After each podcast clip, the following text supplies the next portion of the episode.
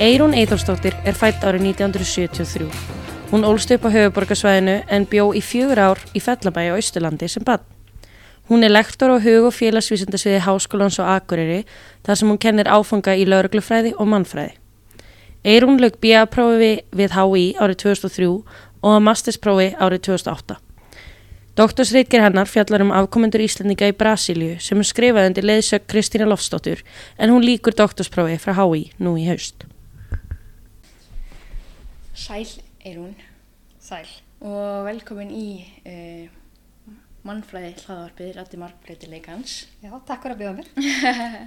Gaman að fá einhvern úr hérna, lauruglufræðinum til að koma hérna og, og spjalla aðeins við okkur og svona aðeins að auka fjölbreytileikan. Já. Og ég kannski bara byrjaði að spyrja þig bara hvað færði þig út í, bara hvers vegna mannfræði? Já, sko, ég held ég eigi ekki eitthvað svona eitt svar við því akkur ég valdi mannfræð á sínum tíma. En það sem að kannski var svona helst sem að ítt undir áhuga var það að ég hafði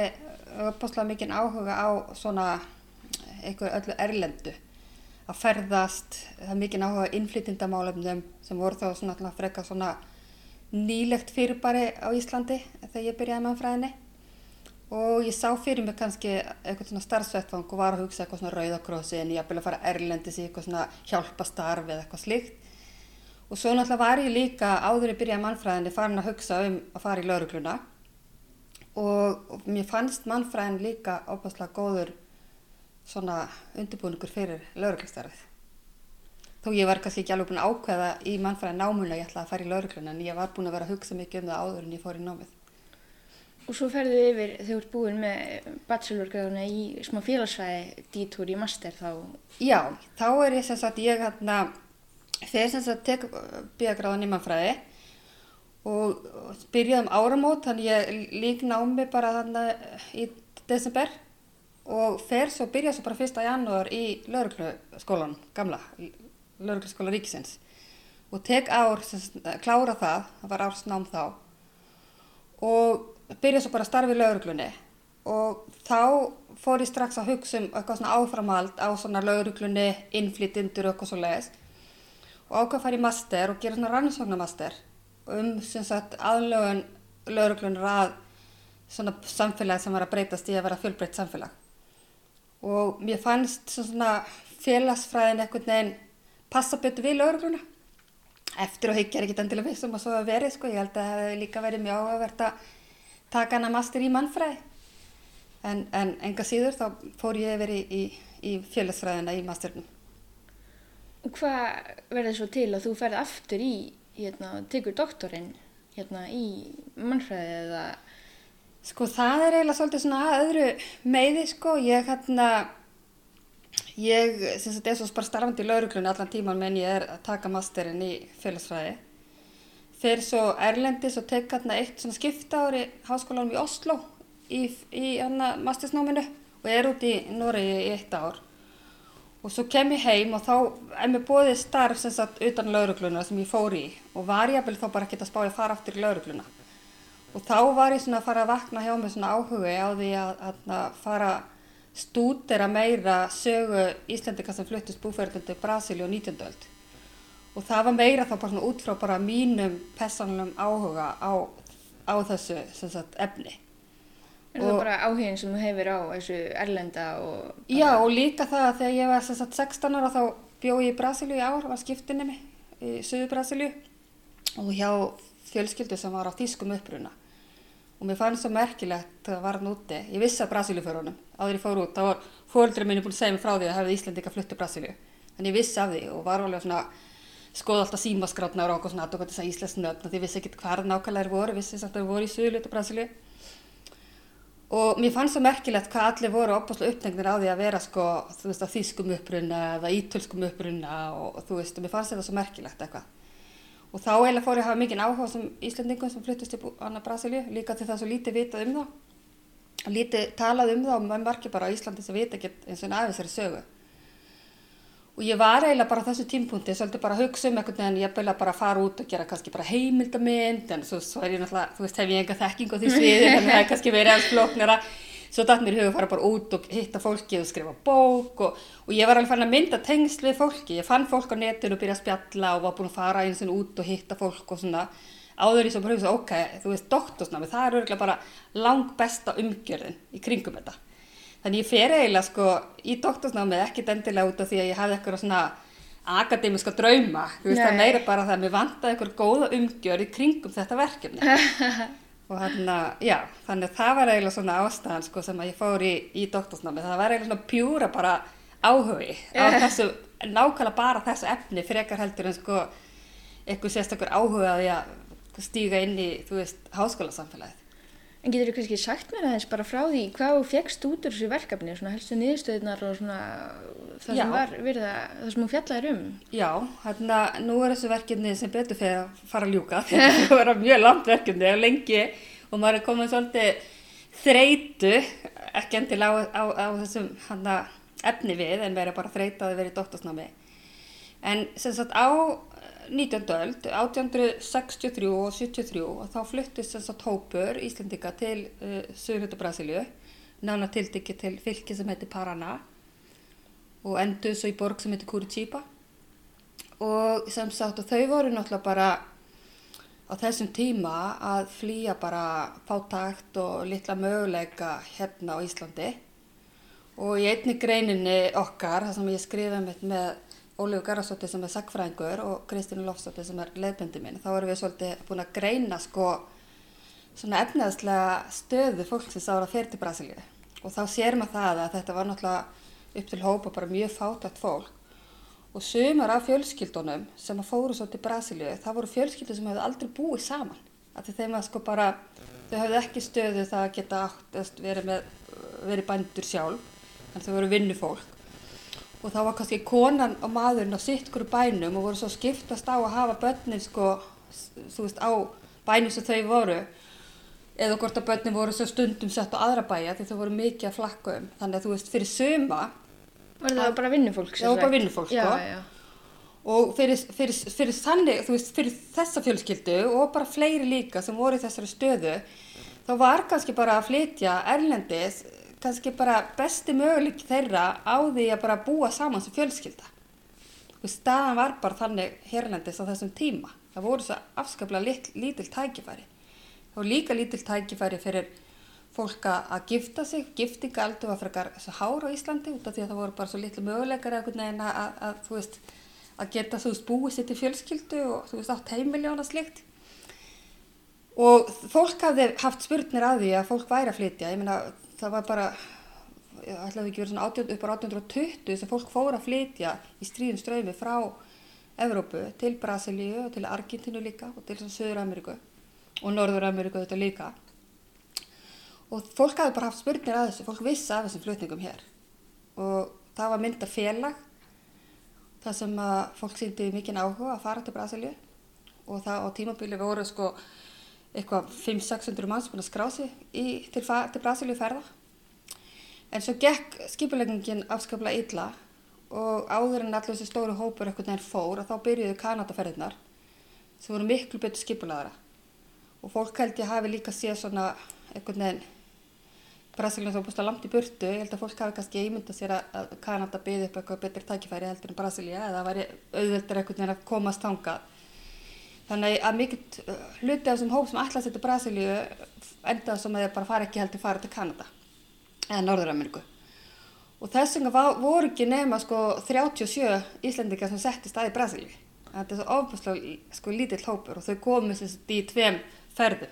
Það var fimm kallmenn sem fóru hann 1863 og svo komu restin tíu árum síðar. Þannig þarna, já, þannig þetta var svona og þau bara settust að í Curitiba og ég vil meina það að þó auðvitað að það geti verið auðvelt til fólki, það var komið nýtt samfélag og nýtt tungumál og þau þurftu líka bara að fólk var búið að ímynda sér að geta bara að fara að vera bændur í Brasilíu og haft bara sína kindur og svona, þú veist, en svo er náttúrulega bara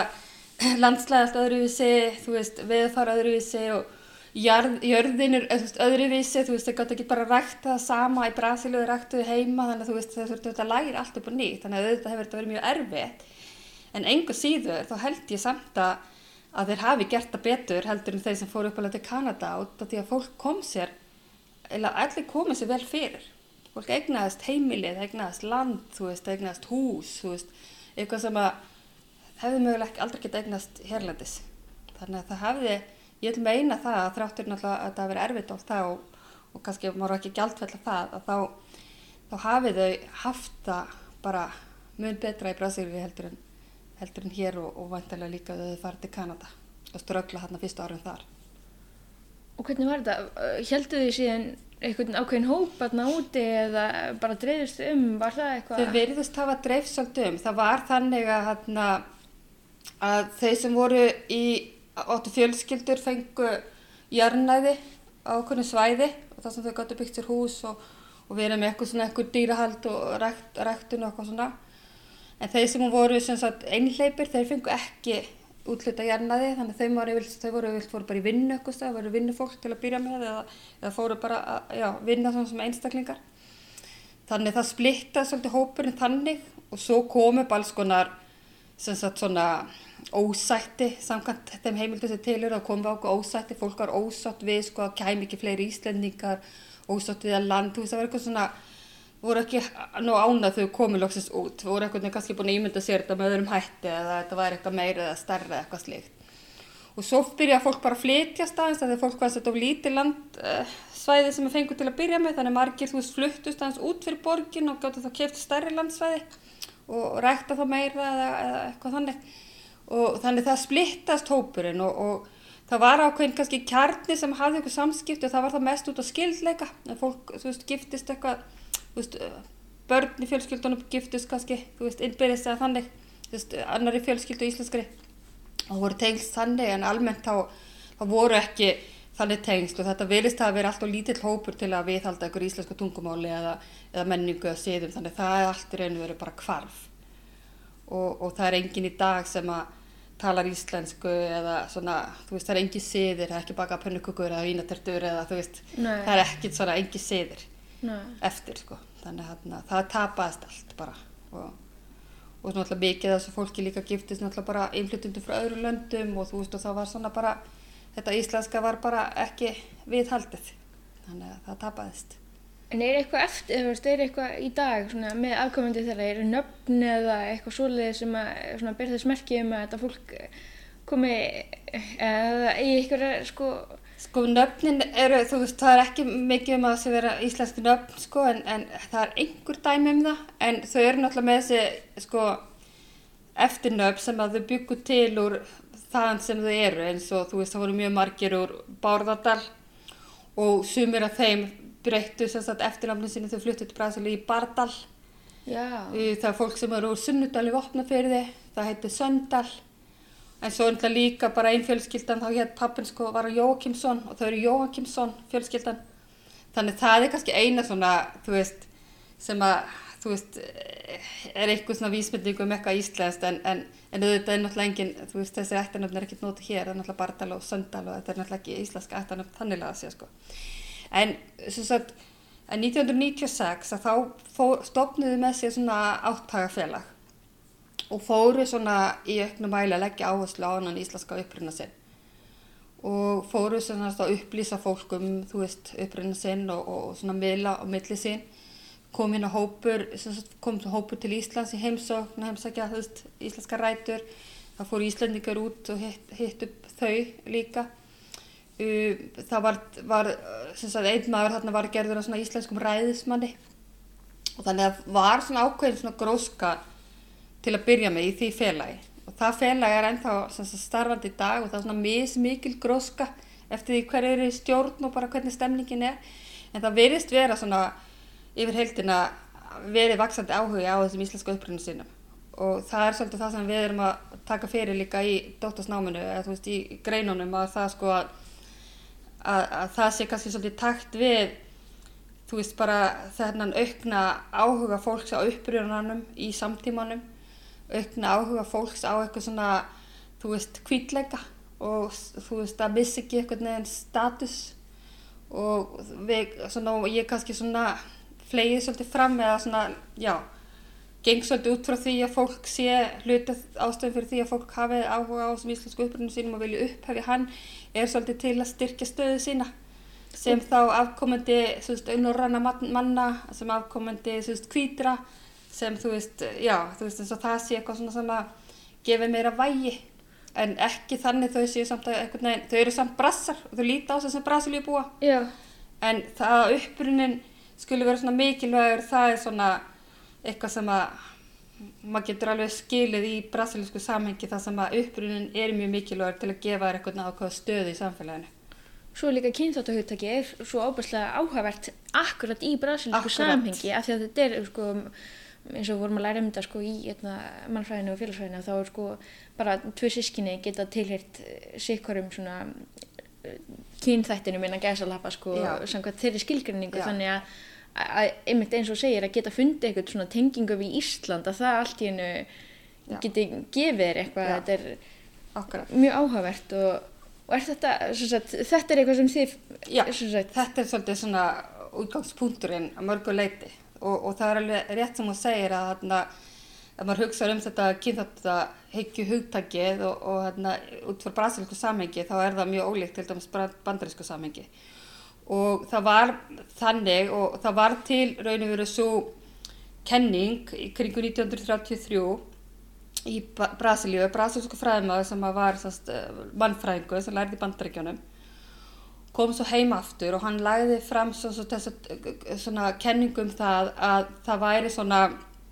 racial democracy. Það væri svona, já, líðræði kynþáttana í Brasilíu. Það væri allir í raun og veru eitthvað neginn, þú veist, það væri ekki verið að horfa í litarhátt fólks. Þú veist, það væri, þú veist, þrælarnir í Brasilíu hefði haft það betra heldur bandaríkjónum þú veist, svo kom ekkert svona eitthvað Jim Crow lög eða aðskilnaðstefni eða eitthvað slíkt. Og það væri, þú veist, já, það væri þessu svona jákvæðri sín á kynþætti, þú veist, í Brasilíu heldur en annar staðar. Og þessi, þarna, og eitt af þessum hugmyndum var það að, þarna, að þú veist, að væri allir orðið svo blandaðir, út af því að þú veist að, að hluti af, af svona 19. aldar hugmyndinni var svona ákveðin kvíttun og það var það að, sem sagt, að kvítur maður, hugmyndin var að kvítur maður myndi eignast batn með dökkri konu, þá er þið batnið aðeins ljósara. Já, það væri þynt út og fólk myndi bara enda með að vera hvítt. Og hluta því í Brasilíu að, að það var svona mikið að innflytjundu frá Evrópu og lögða áherslu á innflytjundu frá Evrópu var það að það var hluti að þessari hvíttun.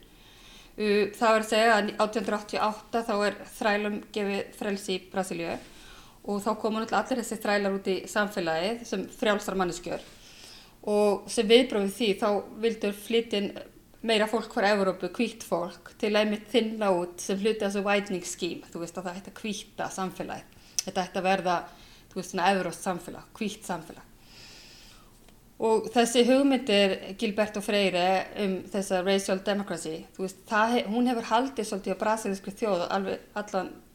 daginn bara fram til dagsins í dag að fólk svolítið trúir því að það sé ekki rasismi í Brasilíu, þú veist, það er allir svo jafnir, en málið það að fólki sem trúir því er fólk sem er í einhverju svona valdastöðu og þarf ekki, sem verður ekki áþreifilegt vartið það sjálft að það sé kynþáttækja. Svo hafa náttúrulega sko hópar, minnutópar í Brasilíu, sí, svona alltaf meira og meira að fara að benda á það, þú veist, víst er mikil kynþáttækja í Brasilíu, þú veist, það er mikil rasismi veist, fólk með svartan húðlit hefur ekki sömu tækifærin fólk með hvítan húðlit og svo framvegis. Og þegar þetta fyrir að gerast, það fyrir að koma svona myndast eitthvað svona, svona baráttur, myndluthópa fyrir stöðu sinni, að þá verður það líka svolítið viðbræði hjá, hjá, veist, hvíta fólkinu að styrkja sína stöðu. Og þá, þá er það eitt hlutu því, er einmitt þetta að, að svona, að veist, leggja áherslu á hvítan uppruna sinn, leggja áherslu að það er hvítt og þú veist, og þá hefur það einhvern veginn sko, þá situr það einhvern veginn á toppnum. Og ég er ekki að segja að það sé endilega það sem að brassarnir eru að gera, sem er íslenskum uppruna, en það er hluti af þessu öll. Þú veist, að fólk er kannski ekki að gera þetta með þetta, en Nei. þetta er bara svona í samfélaginu. Það, er- þú ert, þú skiptir meira máli þú hefur hvítan húðlit, þú veist, þú ert eitthvað meira, það er meira svona vægi eitthvað neginn. Þannig að meira valjú, meira svona gildi eitthvað neginn, þú ert hvítur. Þannig að þetta spilar allt saman og, og það bara mjög áhugavert einmitt, veist, að lesa sér til um bara alla þessa hluti og, og einmitt í einni greininu okkar,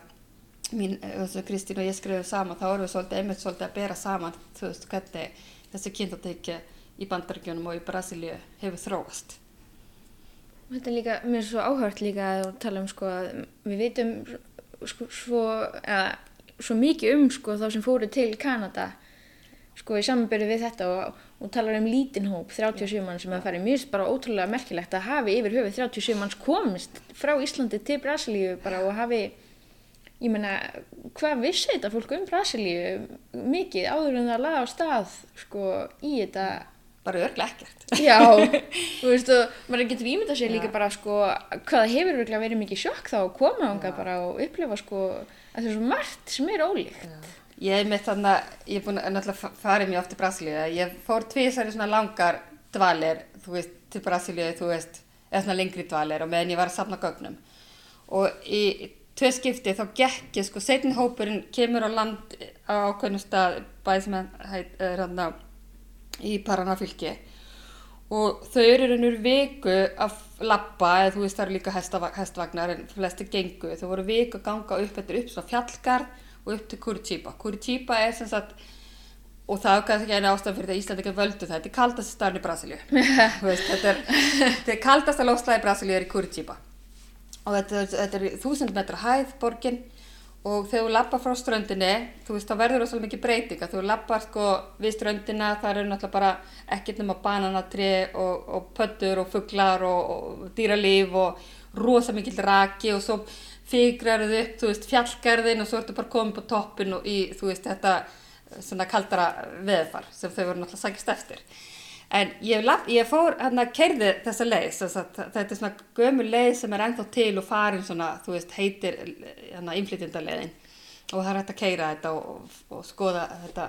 þessa leið og þú veist, og ég man eftir að hafa farið þarna og maður bara hugsa, ok, þú veist, að fólk kom til lands og þú veist, frá Íslandi, frá, frá Bárðardalunum þú veist, ykkur, þú veist heiðabíli jafnvel þar eða eitthvað þú veist, að koma svo þarna og það bara getur tekti bara í banan á trjánum og það eru apar og þú veist, og hitin og þau koma í desember, sko, þá er náttúrulega hásumar út í Brasilíu. Og þarna, og þú veist, þetta hafa verið steikjandi hiti þarna niður frá, sko. Og þetta hefur bara verið, þú veist ég myndi gefa mjög mikið fyrir að fara aftur í tíman og bara upplefa þú veist, viðbrun hjá fólkinu. Fylgjast með, já. bara fljúa vekk eitthvað. En þau, þau vantalega hafa sko vita eitthvað því þau fara sko sögulíti Brasilíu byggður rosalega mikið upp á þjóðurjum og öðrum Európabúum og til dæmis í bænum sem að þeir byrjaði að fara í hérna fyrir, fyrir hópurinn á 1863 já. það er bær sem er raun og veru svolítið byggður upp að þjóðurjum, síslendingum og norðmunum já og þegar þau koma þarna þá hérna, já þar voru þess að gefin út sko tímaritt og þísku þú voru sendið Þískalands og selgt þar því það var náttúrulega verið að reyna að fá fólk til að koma. Og sá aðli hérna á Íslandi sem er talin hafa verið svona aðal maðurinn í að skipila ekkert allt saman, einar í Nesi hann átti vist að hafa sko fengið send svona tímaritt þannig að hann hafði náttúrulega lesið sér heilmikið til um sko bara hvernig hlutinni voru þannig, og miðla því áfram til fólksins. Þannig að þau hafa náttúrulega einhverjar hugmyndi gert um hvað þau var að fara út í. En auðvitað náttúrulega ekki kannski þú veist, það er ekki eins og þau gætu að fara á netið og googla, skilur, þú veist, það verið hugmyndið þeirra hafa náttúrulega verið vantilega mjög óljósar samt sem áður. Og já, og, og þannig að það er bara ótrúlegt hvað þeim gekk samt vel með að við hvað þú veist, hvernig þetta hefur verið En, en þetta náttúrulega var allt annað, þau komist náttúrulega að því sem þau kom út að þú veist, þau gátt ekki nota kannski sama verklag og þau nota þú veist bara í vinnu hérna og þú veist það er annað hýtasteg og þú veist annað slíkt þannig að en, já. Já Þér eru allavega þetta nú áhægt til að gera þetta á dottorsverkefni, ég skilja bara mjög vel. Já. svona margar spurningar sem kvikna. Já, algjörlega. Mér þetta alveg rosalega merkja og ég man þegar ég var krakki sko, ég ég er rosa spennt fyrir þessum, öllum þessum sögum um þá sem fóru til Kanada. Og, sagt, og kannski helgast það á því að, að langama mín sem ég þekkti mjög vel því að bad hún var skilin eftir að mömmu sinni sem fór til Kanada. Já, hún var þryggjar og var skilin eftir henni í Íslandi mammina fór til Kanada og bjóð svo allæfi í Kanada og eignast bara nýja fjölskyldu þar. Og ég man alltaf eftir að hafa hægt þess að sögja ég var mjög lítil og einhvern veginn sko svona sati þetta í mér einhvern veginn að langa maður að vera skilin eftir og allt það skilur en svo bara svo rosalega mikið áhuga á einhvern veginn að eiga frændfólk í Kanada og, og svona mikill áhuga ég held að sko ég held að kannski hafi það líka stuðla svolítið að þessum áhuga sko þegar ég fór svolítið Brasíli og fór að fatta það okay, hérna voru Íslandika líka og þú veist það var tegar í manni svona mikill áhuga á því bara þessu hugmynda einhvern veginn að flytja úr landi á, á 19. líka bara, úf, ég bara ímynda mér bara þegar fólk er að taka sko og smakka ávexti og svona fjölbreyta ávexti því þetta Já. er náttúrulega bara bræðalögarnir við erum búin að vera að borða bara eitthvað sko Já, saltan mat og bara sigur á mjög skortum skamti eitthvað neginn sérstaklega ást að vinna sko sem vinnufólk og ert kannski ekki já, já. Já,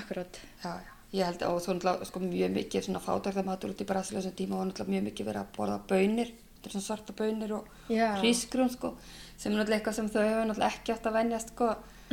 Hérna sko, þau hefur örgulega tekið svolítið tíma að venjast í allir þessu böna á þetta, það er náttúrulega fegur bóðsli í magan á fólki sem er óvænt sko. en hann, og svo líka bara einhvern veginn eins og segja, geta teikt sér upp í, í tré og fengið sér, þú veist, ávöxt, það er náttúrulega verið bara ótrúlega fyrir fólk að upplifa það. Og, en það eitt er víst að þó fólk hafi eflust ströggla mjög mikið þarna upp á viðásliðist, að eitt er allan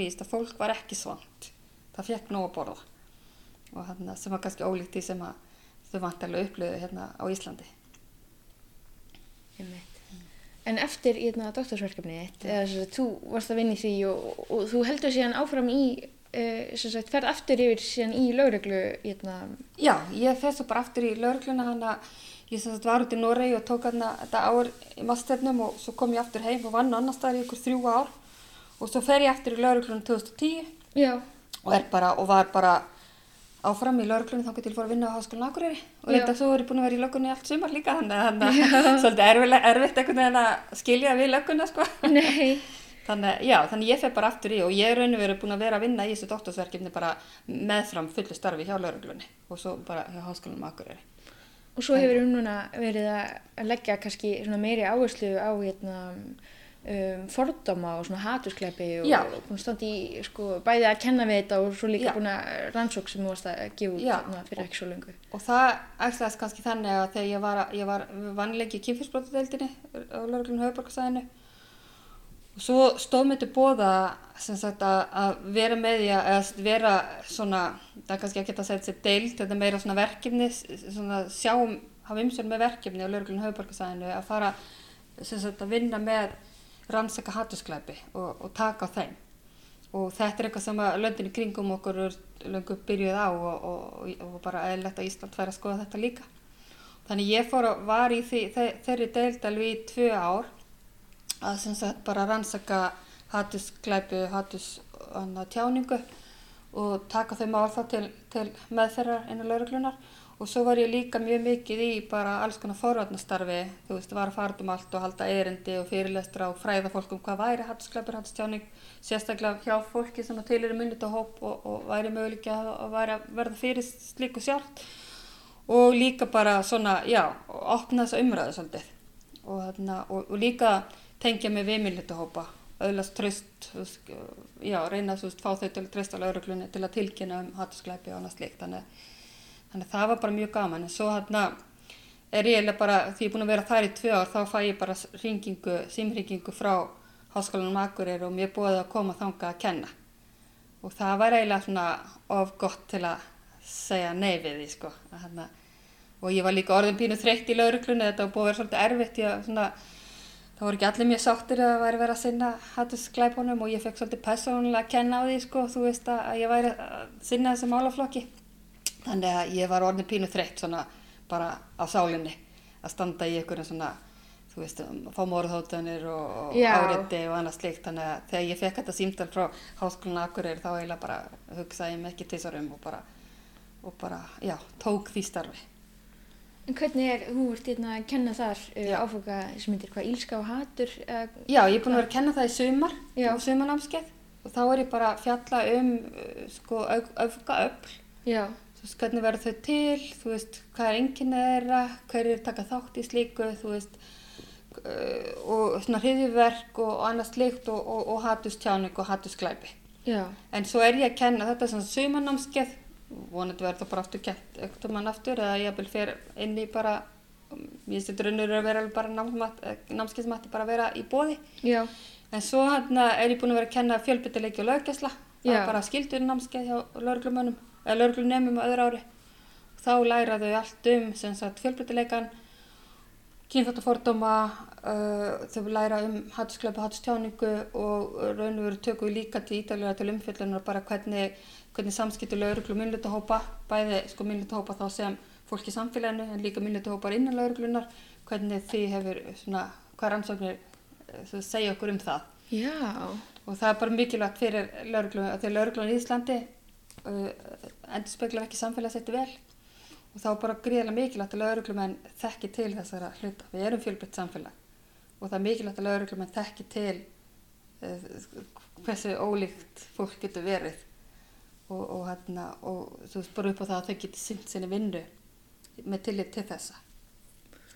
Og hvað núna náttúrulega er sko, hérna, allavega í Evrópu er búin að sjá alveg óbúrslega, hérna, sagt, uh, þróunin þar uh, undan farin ár er uh, mikil,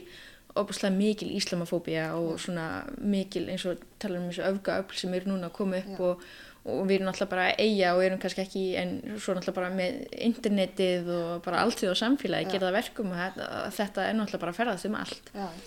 og kannski eins og að segja líka þó er mikið verið að rannsaka þetta úti en kannski ekki mikið borðið á hérna að það sé skoðað er þessi óbúrslega þróun í Európu er hún að verða sínilegri hér að þess að þessi hattuskleipur Já. og hattus orðræða Ég held að sko, við erum náttúrulega, við erum náttúrulega með sem sagt, uh, öfgahóp hér sem heitir Norðuví Mhm. sem að er angi af Nordic Resistance Movement sem er, eru norræn samtök og í Finnlandi eru þessi samtök til dæmis bara það er búið að falla hæstaréttadómur, þau eru bara bönnuð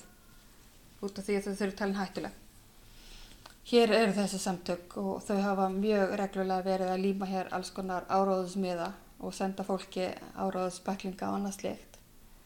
Og svo hefur náttúrulega sko Kristján Þós, Þór í mannfræðinni Já,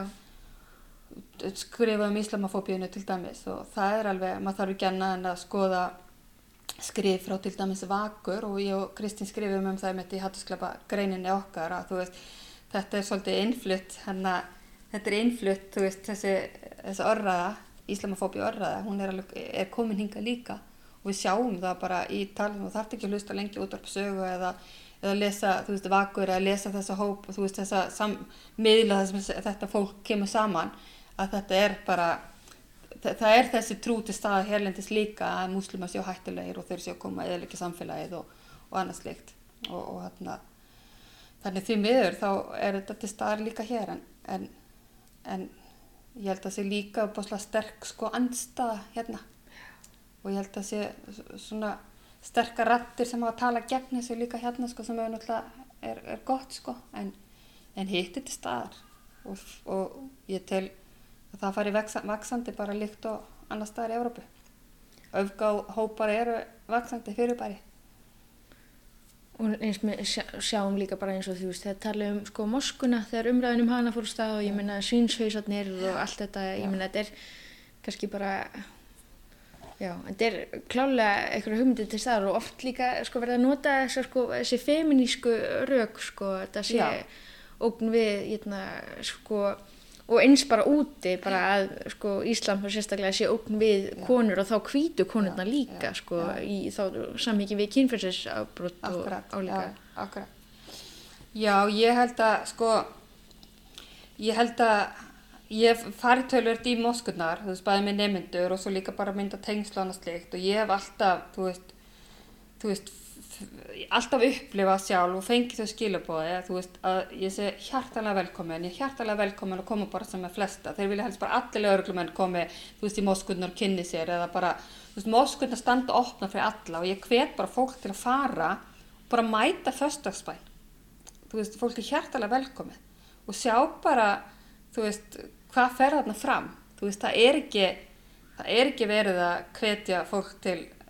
hriðverka eða þú veist, Nei. það er ekki ljótt að gerast þarna, Nei. þetta er bara, þetta er bara trúfélag, þess að fólk kemur bara að ytka svona trú og kynnast á þig og bara, ég held að bara fólk hefði gott að því bara kíkja í heimsókn og bara upplifa þetta sjálft og, hérna, og það myndi kannski brjóta ykkur svona múra því alltaf maður þekkir ekki en alltaf auðvelt kannski að vera hrættur við og það er búið að mála náttúrulega þess að mynda múslimum eins og þeir séu sko hættulegir og, og ef þú ferði, þú veist, flug og það er ykkur í fluginu sem með, þú veist, eh, slæðu eitthvað, þú veist, þá, er, þá þarf ekki að vera, skilur alveg bara Hjartað þarf ekki að fara er bara fullt, skilur ef ég þetta seinustu mómenti mín í lífinu, þú veist, ég meina, þetta er búið að búa, þetta er búið að hræða fólk svo mikið. Og það þarf að búa, það fólk þarf núna bara að fara að vinna gegn þessu og þú veist, og bara farðu og kynntist múslimum, þú veist. Já, Það bara, það, það kemur bara ljós að þetta er bara, já, venjulega manneskjur eins og þú ert sjálfskiluru. Og hann að, og ég held að fólk svolítið að, að hann að, þú veist, taka bara skarið og bara fara og kynnast því sem það er rætt við, þú veist, þá sér fólk að það er ástæðalust að vera með eitthvað hræðslu gagvart svona umflytundum eða múslimum eða, eða hvað sem það nú er. Þetta er bara fólk, þú veist, eins og við. Hvernig er það? Í, veist, í hvaða kringumstæðum verður, verða þessir öfgahópar til? Hvað er það sem er að, sko, sem, að, sem gerir þetta verkum að þetta færi að vera grassinandi, sko? Já, sko, fræðin segja svolítið það að, þeir sem eru kannski svona, þeir aðlega sem er líklegri til að taka þátt í eitthvað sem öfgum er eitthvað fólk sem að kannski einhvað hefur sko skort, þú veist, þeim hefur þeir svona, ég veit ekki hvernig maður getur best orðað bara eins og fólk sem tekur þátt í bara glæpum eða öðru slíku, þú veist, þetta er náttúrulega fólk sem hefur á einhverju tímpúti í lífinu skort eitthvað, hvort að það er bara eitthvað sem að kemur úr uppeldinu eða, eða þú veist, örgi eða þú veist, bara hvernig fólk elst upp, þú veist, hvað, hvað veganesti fær fólk með sér út í lífið og annað slíkt, það getur spila stór, stóran hlut. Líka þetta upplifa svona tilæringi, þú veist, ef þú upplifir aldrei þú tilærir ykkur samfélagi, að þú veist, þá ferðir einhvern veginn að vera alveg sami um samfélagið. Og það er til dæmis þessi umræði sem hefur verið svolítið sterk þegar við erum að tala um sko þetta unga fólk sem er tekið þátt í hriðverkunum í Evrópu að þetta, þú veist, þetta er sama fólki hefur svolítið verið að kvarta yfir því að hafa ekki fengið tækifæri til að, til að tilera þú veist, það er alltaf einhvern veginn jaðsett og það getur verið hlutað, það getur verið bara þú veist, já, fræðin segja svolítið að það sé eitthvað þannig grunnunu sem skortir sem fólk fer að leiðist út í eitthvað svona öfga. En svo er þetta líka það að, að það er hrætt við eitthvað. Og það er með kannski eitthvað svona ábúðslega einfalda mynda, einfalda heimsmynd það sem að bara eitthvað er góður eða vondur og, og eitthvað slíkt, þú veist, það sér ekki eitthvað neginn alla, alla hérna, litina eitthvað neginn í, í hérna, regnbónum eða hvernig þetta orðaða þannig, það, það, það sér heiminn með svona svarkvítum hætti, einföldum hætti. Og það bara virkilega trúir því að, að þú veist að það sé eitthvað hættulegt uh, þú veist í gangi. Og það trúir því að það þurfi eitthvað neina að breyðast við því. Og svo hefur náttúrulega sko sem skiptir líka miklu máli ef það er eitthvað svona, uh, svona fórustu rattir og sem að eru svona þá aðeinar sem eru kannski að hafa eitthvað svona karisma og, og, og reyfa við fólki og fá auðvitað fólk með sér þú veist, ef það er einhver þannig aðili sem að, sem að grípur þig, þú veist, þá er svolítið, þá bara einhvern veginn trúur öllu sem kemur þaðan.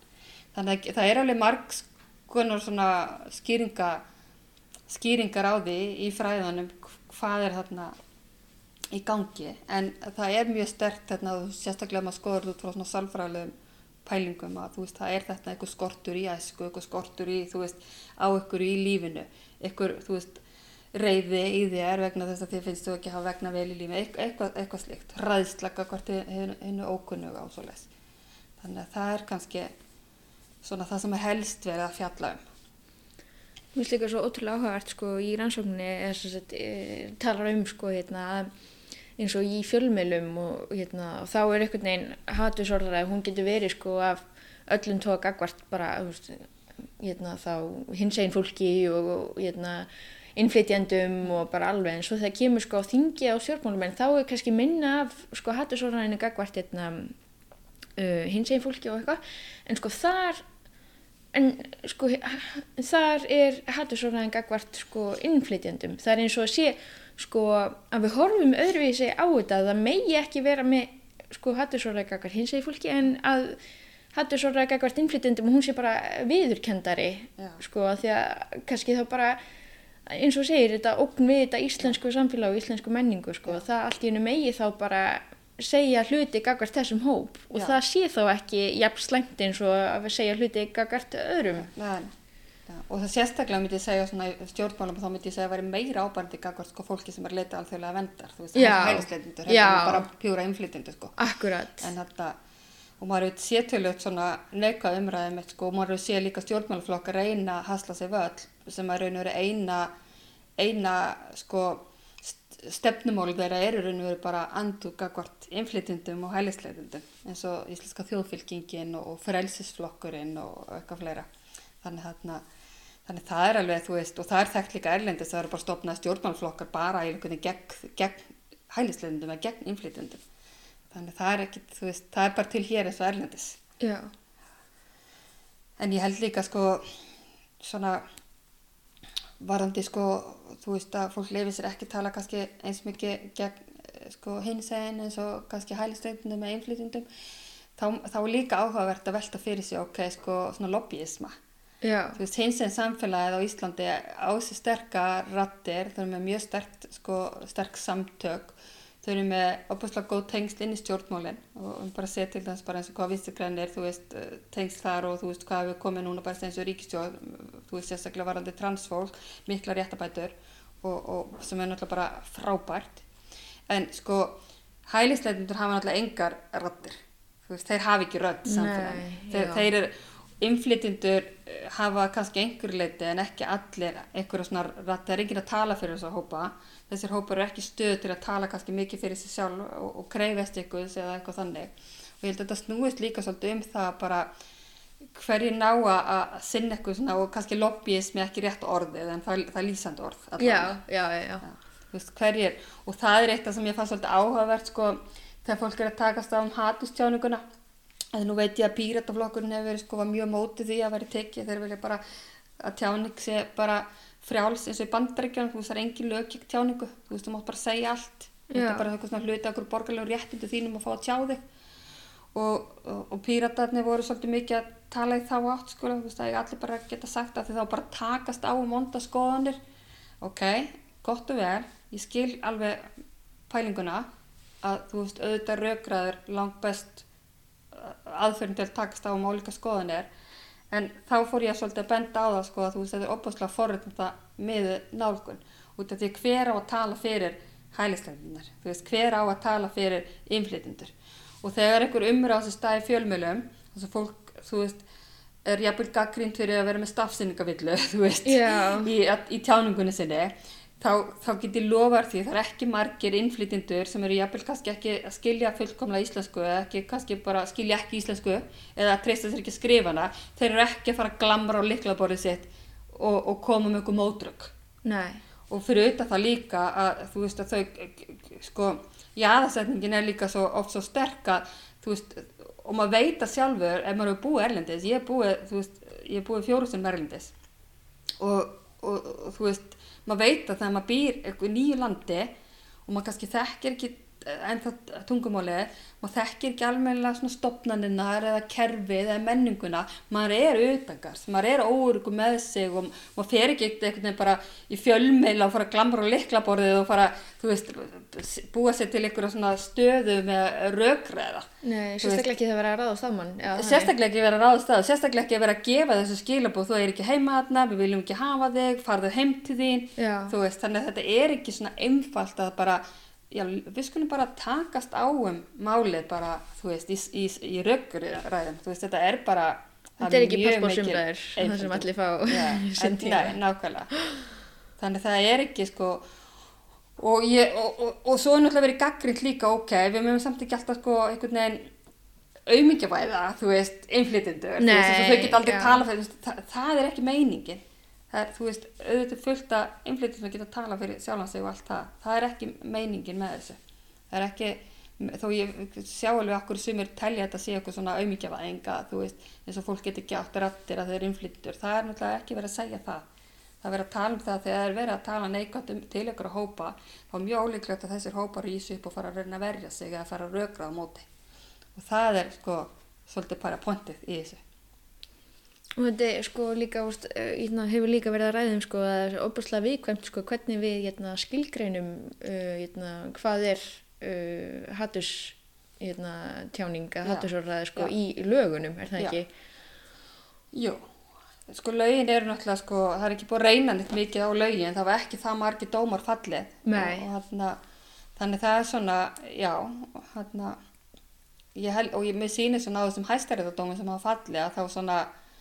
þú veist, eh, þeir eru alveg sko, já, hvað get ég sagt, þú veist, tjáningi þarf að ganga mjög langt til að hún geti fallist undir hattus tjáningu í, í allan að út frá svona því sem maður getur lesið úr þessum hæstaréttudómu. En svo náttúrulega kannski er bara þessi þekking á skortum skamti hérlendis og, og, og ég, svona, ég veit ekki hvað dómarar á Íslandi hafa setið marga mörg námskeiðum hattistjáningu, ég er ekki vissum að hafa setið nokkur, þannig að þú veist, það er líka spurning sko að, að, að þú veist, hafa skilning fyrir bara afleðingunum, þú veist, þetta er ekki bara afleðingar, hattistjáning, hvað er hún að standa óreitt, þetta er ekki bara, af, afleðingar þetta er ekki bara gagvart einstaklingu sem verður fyrir henni, þú veist, þetta er samfélagslega, sko, skadar, skadar samfélagi hildsinni og hérna, það er svona stóra myndin og auðvitað er það óraunæft að ætla að maður geti bannað alla hatustjáningu eða að það verður aldrei til neinn hatustjáningu, ég held að það sé algjörlega óraunæft en, en ég held að bara vildi að væri allan að raunæft að fólk geti bara passa sér í samskiptum. Af því þetta eru svo miklu villíkutum og núna, núna seinast bara held ég gæri og lasi eitthvað viðtalið mann og hann, hann var eitthvað að tala um það sko, hann finnst svo leðilegt hvað fólk var að sko móðgast fyrir hönd annara og það er þetta, er svo, svo misk, mikill miskilningur það snýst ekki um að maður sé að móðgast fyrir hönd annara það snýst ekki um að maður sé að móðguna gerð það snýst um bara það að sko, áhver getur fólk ekki bara tala saman sko, með virðingu hvort hver öðru, áhver þarf að tala áhver þarf maður að setja fram skoðununa sína með þeim hætti og hún er meiðandi í garð eitthvað þegar þú getur sett skoðununa fram þú veist án þess að meið eitthvað þú getur alveg sagt þú þarf ekki að elska múslima. Þið má vera ítlaði múslima og þú getur alveg sagt það með einhverjum hætti sem er ekki meiðandi garð einhver einstaklega eða fólks. Og það er svona, þú veist, þetta er spurningum bara hvernig við beitum tjáningun okkar. Og hún þarf ekki að vera meiðandi. Þa, það er val þess sem setur hana fram að meiða með tjáningunni. Það er bara pjúra val hans. Svo er líka sko eins og pælingin eins og maður hefur séð erlendi sko að ef maður leifir þessu svona hattustjáningun og vera græsarenda því að það er sko hinga til bara eins og maður kannski tekur ekki eftir þessu sem kannski almenni borgar að það sé eitthvað hatus orður að hatustæning sé eitthvað reysastort vandamál í að hatus glæpir í íslensku samfélagi mm -hmm. en þetta er kannski bara spurningin um hvað gerist sko í framtíðin ef við leifum þessu bara að vera óáreitt í eitthvað tíma þetta skapi bara eitthvað sko hérna þetta sé bara eitthvað svona skapi eitthvað grundvall fyrir eitthvað meira ja. sko bara hvað þetta ja. getur leitt af sér Já Akkurat og það er það, sko, það er það hluti sem við tala um sko með aflengarnar að þú veist að þetta skapar svona sundrung í samfélaginu, þetta skapar óeiningu í samfélaginu. Og samfélag það sem er sundrung, það er samfélag sem býður upp á bara sko aukið ábyldi og afbrót og annað slikt, þú veist, það, það er öllum til góða að, að, að það sé einhvers konar svona uh, samlindi eða ég veit ekki hvað orður þetta nota í samfélaginu og ef við erum að útiluga ákveðna hópa í samfélaginu, í tjáningun okkar eða gjörðum okkar, veist, þá, eru, þá segja þessi sjálft að það verður alltaf problematíst í, í framtíðinni. En svo líka sko þó hattuskleipur, hattustjáning sé kannski ekki endilega staðsta vandamáli sem að Ísland stendur fram með fyrir, þá er það náttúrulega samt sko þetta er kannski, ég veit ekki veist, þetta er stórt vandamál fyrir það sem að verða fyrir hattustjáningunni og ég er til dæmis núna búin að vera undanfæðið tvö ára að taka við til fólk sem hefur orðið fyrir hattsglæpu með hattstjónugu á Íslandi og það er alveg sko tölvört að málum að koma fram í þessum sko viðtölum sem að hafa aldrei ratað hann að borða til lauruglunni en eru alvarlegst eðlis Já. og bæðist hattusglæpir líka líkamsára alveg bara sko bara glæpi sem eru alvarleg í sko lagalum skilningi.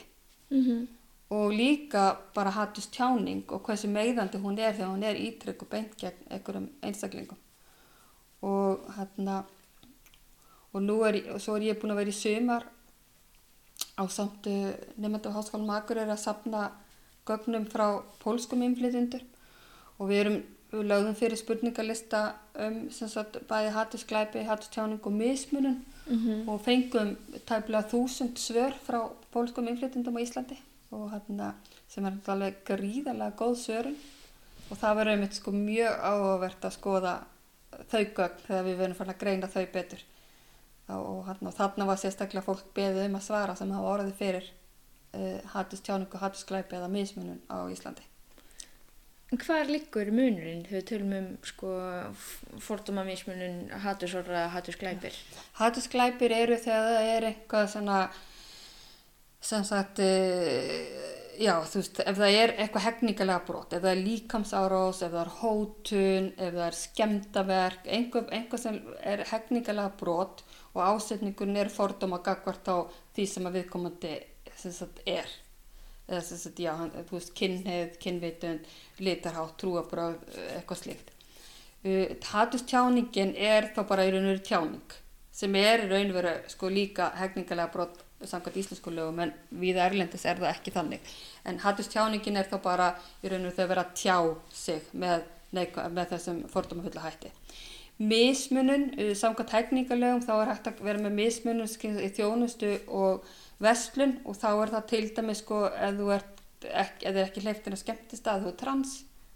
og, og það er ástæðan fyrir að þú séð ekki hleyftin að skemmtist að þú er trans eða þú er pólskur og það er mismunun, samkvæmt, það er hegningalega brot. Það er, það er ólöglegt. Það er ólöglegt. Það er heg, já, þannig þarna, en svo er náttúrulega líka til bara annars konar mismunum sem er þá ekki hegningalega brot sem getur mismunum bara, þú veist, í starfi og og það er þá aðra skilgringar því en, en þess, þetta þrend eru hegningalega brot samkvæmt íslenskum lögum, hatustjáning hatusglæpir og, og, og þessi, þessi mismunum í vestlunni að þjónustu. Þess að banna eða einhver vill ekki þjónustöði og veit ekki að eða í búð að þið þú geðingur eða eitthvað slikt, veist, það, er, það er bara hegningalega brot Og er þetta, hérna, ég er að velta fyrir mér eins og þú veist að því að það er svo auðvelt einhvern veginn samt að fyrla þetta, ég minn bara eins og það veist, að banna ykkur um að fara og skemmtist það og getur uh -huh. bara litið niður og er bara, þú ert bara ekki nóg flottum skóm eða þannig, þú veist, er, er mikið verið að hafa ykkur dómar verið að falla eða er? Það er engin dómar falla um þetta en það hafa hérna svona mál komið upp og ég veit um nokkuð mál sem hafa komið bara til dæms í fjölmiðla Já. svo er að koma upp svona mál í þessum viðtölum sem ég er að taka mm -hmm. þannig, og, þannig þetta er alveg til og, en, en það satt sem hún segir það er rosa erfitt að, að það væri rosalega erfitt að sanna þetta. Veist, að því að, að, því að sko dýravörðin geta alltaf að segja hún var of drukkin og veist, hún var búin að vera hérna, veist, ókurteis við mig eða, veist, það er þetta að segja svo margt sko. Og hérna þannig það, það er, en þetta er upplöfun fólk sem eru orðið fyrir þessu að það sannlega sé vera mismunnaði uh, á grundulli, þú veist, kynhegðar eða kynvitundar eða, eða uppbrunna eða litarháttar svo framvegs. Líka stundu finnum maður eitthvað sko og líka maður finnir bara svona kannski Veist, ef þú ert ofta að lendi í ykkur þá kannski pekar eitthvað upp sem ykkur annar bara sér ekki veist, og það svo, kannski getur verið svo erfitt að útskýra bara að mað, maður viti að það var út af ykkur ákveðna því maður er búin sjálfur búin að taka eftir bara svona ykkur munstri sko, þessi ör áreitni sem á þessi stað sko,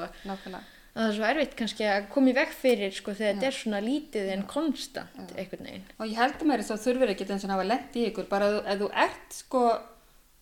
einhverjum hætti öðruvísi heldur en svona meirhlutin þú veist, þá getur, þá tekur eftir fullt af hluti sem við, hérna, þú veist, svona hvítir Íslendingar, þú veist, fætt og uppalega á Íslandi, þekkjum samfélagi alveg mjög vel, þú veist, við erum náttúrulega með svo mikið forréttindi. Já. Að það er alls konar hlutir sem að, sko,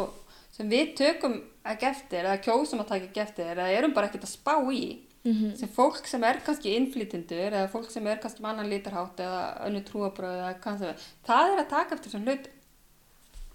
og við bara einhvern veginn erum svona blinduð bara einhvern veginn á okkar forréttundum, þú veist, við sjáum þetta ekki. Þannig ég held að það sé líka það þú veist að hérna, þess vegna er svo mikilvægt þess að lauruglumenn að lauruglumenn að því þeir endur speikla illa samfélagsveit það er svo mikilvægt að lauruglumenn þú veist, þekki til þess að hluti og, og bara það að þú stoppar svarta nökumann sem kannski er amerísku túristi bara keira um Ísland dökkan húðleitt og hann er stoppaður hann myndi spyrja, ert að stoppa með því að svartur? Já. sem var mjög eðlilegt fyrir hann að spyrja sem bandarækjumann Já. út af því það væri bara örgla tölur líkur á því í bandarækjum hann væri stoppaði nákvæmlega þegar hann er svartur. Já. og ef við eflust við oft erum stoppaðar nákvæmlega bara þegar hann er svartur. Mm -hmm. þetta meikar eins og er óbúinlega ítla sæns á Íslandi. Og lauruglumari sem myndi, þú veist, þetta verið sagt þau myndi jafnvel bara móðgast býta þetta ásakaðum að vera rasisti? Og verið kannski bara full og bara okkur, þú, þú veist, er reyður kannski. En hann þarf þá að vita, byrju, okkur er maðurinn að segja þetta, þú veist, þetta sé hans reynsla frá sín heimalandi og það meiki bara sens en svaris að segja þetta, skilur staðan fyrir að fara bara að bregðast ykkur á vörn og, og einhvern veginn ásaka sig, að þú veist, einhvern veginn hugsa bara að vera ásaka með um að vera rasisti því ég held að sko, ég held að íslenski lauruglum sé ekkit eitthvað rasiskari heldur en bara, ég held að sé ekkit rosalega mikið rasismin að lauruglunar einhvern annar staðar, þannig ég held að þú veist, en, en þeir þurfa að hafa þekkingu á þessu. Og þetta, þetta svona endurspegla svolítið í þessu máli sem kom upp í fyrra þegar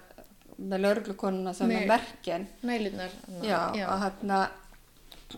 þó hún hafi ekki sett þessi merki upp sem eitthvað svona rasisk symbol Nei. og það hafi ekki verið hennar meining og ég trúi því alveg að þú veist hún hafi ekkit þú veist ég alveg trúi því að hún sé ekkit rasisti og hún hafi ekkit verið að setja þetta upp til að vera rasísk Nei. En og, og ég veit að voru margir, lauruglumenn sem bröðust við eitthvað neður fannst þetta bara fáránlegt að var vera veist og eins og hérna the thin blue line merkið og eitthvað svona bara, já, já. þetta er bara, bara saminningatákn lauruglumanna og það ekki verið að ráðast á það og það fannst þetta ömulegt en þá var kannski skortið á þessari, þessa, þú veist, tekking á því byrju, ákveru er thin blue line symbolið tali rasist þú veist, ákveru er þessi symbol tali rasist og staðan fyrir bara veginn að hlaupa í vörn að, þú veist, þá hefur verið svo gott að þau bara haft þekking á því. Þú veist, ok, þau, þau eru sannarlega álitið sem hatus takk, þú veist, vegna þessa, vegna hinna, þú veist, annar staðar. Fyrir utan þannig að þetta er engin lögreglumann að vera með einn takna á búningum sínum, Nei, veist. en það er náttúrulega líka alveg búið að koma veg fyrir það núna það er alveg búið að banna allir lögreglumannum að merkja, merkja sig sko, sem að náttúrulega hefur alltaf verið bannað. En, en svona það er þetta sko að lauruglumenn svona átti veist, hugsið það hans í smá stærri samhengi ekki bara dæma út frá sínum litla raunveruleika hérna á Íslandi þú veist, ekki þess að gera fyrir þeirra raunveruleika en skilur við, hvað meina? Að þeir hafi þess að svona stærri sín á, á, á málum Líka því að núna, sko, akkurat þessi umræðum laurugluna, sko, hún er búin að vera svo út af þessu sem er í gangi í bandaríkjunum Já. og þá er þetta bara, þú veist, og, og svona fólk kannski á Íslandi gerir sér, maður, að því að, sko, bandaríkin eru ótrúlega svona oft lík okkur, bara menningarlega séð, en það er líka alveg bara áherslu munur, sko, á bara kerfunir og hérna heima og fólk kannski, maður svona, ég til dæmis gerir mér eitthvað grein fyrir, sko, hérna, hver er, líkind þarna á milli, Já. sko, og akkurat þessi næla hafi komið upp, veist, í samhengi við, sko, það sem var að gera erlendis er kannski líka bara spurning um tæma, slæma tímasetningu og, og bara, Akkurat. hérna, en vissulega eitthvað Já. sem þarf að passa sig Já. á og, en, hérna, þetta er svo áhugavert líka sérstaklega kannski fyrir þig að vera sem mannfræðingur, Mhm. þú veist, og bæði þá akkurat í ykkur svona að berjast gegn hattuskleipum og hérna, mismunun og fordómum og svo líka kannski að vera með þekkingu innan, innan lauruglunar að hafa verið í þessum aðstæðum sko, Já. hérna, einhvern veginn kannski báð með með, sikur með með borðið eða veginn akkurat. Og ég meina ég held að sé sko, væri aldrei hægt að bera saman einhvern veginn lauruglu Ísland og lauruglu Bandaríkjan Nei. lauruglan Ísland er velmentu uh, lauruglumenn er upp til hópa allan að svona finnst mér svona, uh, svona þekkingaþistir þú veist, þeir eru að fara á námskeið þeir eru að viða sér þekkingu veist, þeir vilja vera góðu lauruglumenn það er svona mín tilfinning og þú veist, við búum í mjög friðsölu landi, hér ganga ekki lauruglumenn með vopna á sér til dæmis og annað slikt og það er lá, mjög lág glæpatíðinni á Íslandi, maður leggstu bara í heimi. Þannig hann þannig ég held að sé engin, ekki hægt að bera saman lauruglu í bandarkjónum og, og, og Íslandi bæði umhverfið er mjög ólíkt og líka bara stofnunni sem slík er ólík. Þú veist, laurugluminn í, band, í bandarkjón sem hverju fara bara okkur nokkra vikna að námskeið meðan hér er sko, þetta er orðið tekjara háskólanám, var það ráður einstu tekjara sko nám á framhaldsskólastíði þannig að þetta er alltaf búið að vera sko svona, já tölvöld mikið nám hérna á Íslandi að verða lauruglumæður og fyrir utan það er náttúrulega bara mjög margir lauruglumenn sem eru líka bara með aðra mentur, þú veist, það eru margir sem hafa, eru líka með aðra háskólamentun og hvað sem að fengu hann áður að fóru laurugluna eftir, þú veist, þannig að ég myndi held að sko, ekki það ég held að hafa ekki verið tekið út, en það var mjög áhugavert að taka út, ég er svolítið að hugsa maður bara núna með ég að segja þetta, hvað bara, hvaða mentun íslenski lauruglumenn hafa, því að ég held að þeir séu almennt til bara frekar mikið mentaðir. Ég líka velta fyrir mig sko bara upp á bara núna á næstu árum sko hvort það sé kannski ef eitthvað er að færast í aukana að, hérna, að sko þessi fjölbreytileiki og hérna, sé þá í kennsluefninu hvort þetta verði ég, bara svona upp á bara til lengri tíma liti að þetta sé bara að fara að verða mjög stór partur af því að verða lögreglumar að þurfa að kunna inn á þetta. Eða hvernig, Já, ég veit svo ekki hvað stór partur sko en, en þetta er allan, já, þetta er hluti af bara, finnst mér, að þetta er skildu áfangi til dæmis. Og þannig að þetta er og svo líka sko erum við með aðra áfanga eins og sko samskipt og upplýsköflun og lauruglur ansóknir og við erum að sér áfanga um kynfyrirsapur og það er er náttúrulega tölur mikið verið að tala um bara eins og já að setja einstaklinga og þú veist og þetta með þú veist að, að lauruglan þurfi sko þú veist það er ekki eitthvað svona one size fits all þú veist þarna þú veist þú getur ekki alveg, alveg eins og bara þú talar ekki með sem hætti við börn eins og fullorna þú veist bara að taka skýsla börnum er allt, allt annað hluti heldur en taka skýsla fullornum einstaklingi þú veist taka skýsla okkur um með not, þú sumir þurfa að tólka þú veist ef þú talar ekki tungumáli þá fengi tólkur þú veist þá komið auka atriði. Eða þú veist uh, kannski með þróskaskerðingu þá jafnvel fengi réttinda gæsla maður fatlaðara með inn í skýslutökuna eða út bann þá barnavend þú veist þannig að þetta er ekki sko það er ekki bara eh, þú veist ekki, þú gerir ekki hluti bara eitthvað einn hátt. Það fer algjörlega eftir hvernig þú ert að tala við og hvernig þú ert að eiga samskipt við með hvað hættu og vinnu vinnuna þína og það er bara sama með hvort sem fólki er að glíma við fíkni vanda geðrana vanda, hvort fólk er innflytjendur eða þú veist alveg sama hvern, bara hversu ólíku erum. Lögreglan þarf alltaf að hugsa okkur hvað, með hvað hætti þarf ég að nálgast þess, þennan aðila sem bestan hátt. Og þa- þess vegna er kannski lögreglu starfið orðið bara flóknar í dag heldur en að verið áður. Þetta er ekki bara við búum voru í flóknum heimi, veist, flóknum samtíma og lögreglu starfið þú veist, flækist þá bara samhliða því og verður svona, já, lögreglum að þurfa orðið að bara þekka til fleiri þátta heldur, heldur en áður og þetta er kannski líka meiri krafa líka sett núna og kannski meiri eftirlit líka með störfunum hjá lauruglunni. Já, miklu meiri. Og, og lauruglumenn finna það, þú veist, það, og þetta er tölur skrifa um þetta líka bara í fræðunum að, sko,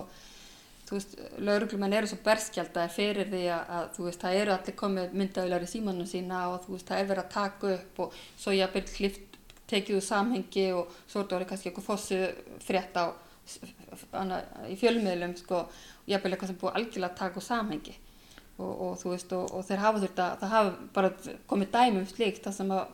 að vera ásakaður um ofbeldi og það þurft að draga það allt tilbaka því að þegar varum að fara að skoða síðan hérna upptökurnar þá átti þetta ekkert að rauka stiðast það sem var búið að koma fram í fjölmjölum þannig að þú veist þetta er svona lögreglum eru mjög berskjaldar fyrir þessu. Og það er erfitt að starfa í umhverfi þar sem þú veist að það er allir einhvern veginn tilbúin að dæma þig. Það er allir tilbúin að taka upp og einhvern veginn dæma allt sem þú ert að gera. Það er lauruglumennir náttúrulega bara fólk við getum átt slæma daga eins og allir aðrir, við getum að vera að rífast um makan í morgun eða verið þreytt á krökkunum okkar eða hvað sem er og verið ítla upplöð mætandi vinnu og, en samt sem aður vera alltaf tilbúin til að takast af bara allar að, mögulegar aðstæðar sem getur komið upp. Já, og það er alveg, ég meina það er töff. Og hérna og það og lauruglumenn er bara fólk. Þau eru ekki bara eitthvað velmenni sem er alltaf bara 100% svo er þetta líka því að sko lauruglufólk er með alveg svona tiltölulega mikið völd og er Mhm. með sko, hérna, ég meina, uh, er að fara inn í óbærslega viðkvæmar sko aðstæður og þar er svo óbærslega mikilvægt að sé verið að taka réttu ákvarðunar og það munar svo miklu sko og það hefur oft bara einhverju röðsfá sekundu til að hugsa um og, og, og bæðið sko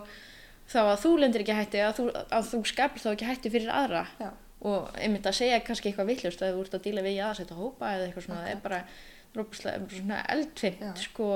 bara að, aðstæður mm þannig að maður svona að vera vel upplýstur er þá algjör líki latriði myndi ég halda Já. eða eins vel upplýstur og þú getur það Algjörlega. verið algjörlega sé algjörlega og, og svona já, ég veit ekki það er kannski ekki, ekki, ekki það, þú veist, það er engin fordómalös þú veist, það er Nei. allir með fordóma en maður getur samt svolítið sko valið að, að, að sína ekki fordómana sína þú veist, maður getur þá, ef maður er með fordóma gagvar þegar sem maður er að eiga við í vinnu, þú veist maður getur þá tekið bara ákvörðun um að veist, skilja að það einn skoðanir á, á viðkomandi eða hóknum sem viðkomandi til er og faglegri vinnu. Þannig að ég held að það sé líka sko það að, að, veist, að vera meðvitaðar en líka einhvern veginn þú veist vera það faglegri vinnun þinn að þú lætur ekki svona eigin kannski skoðanir lita starfið þitt akkurát. ef það er hægt. Ef það er hægt.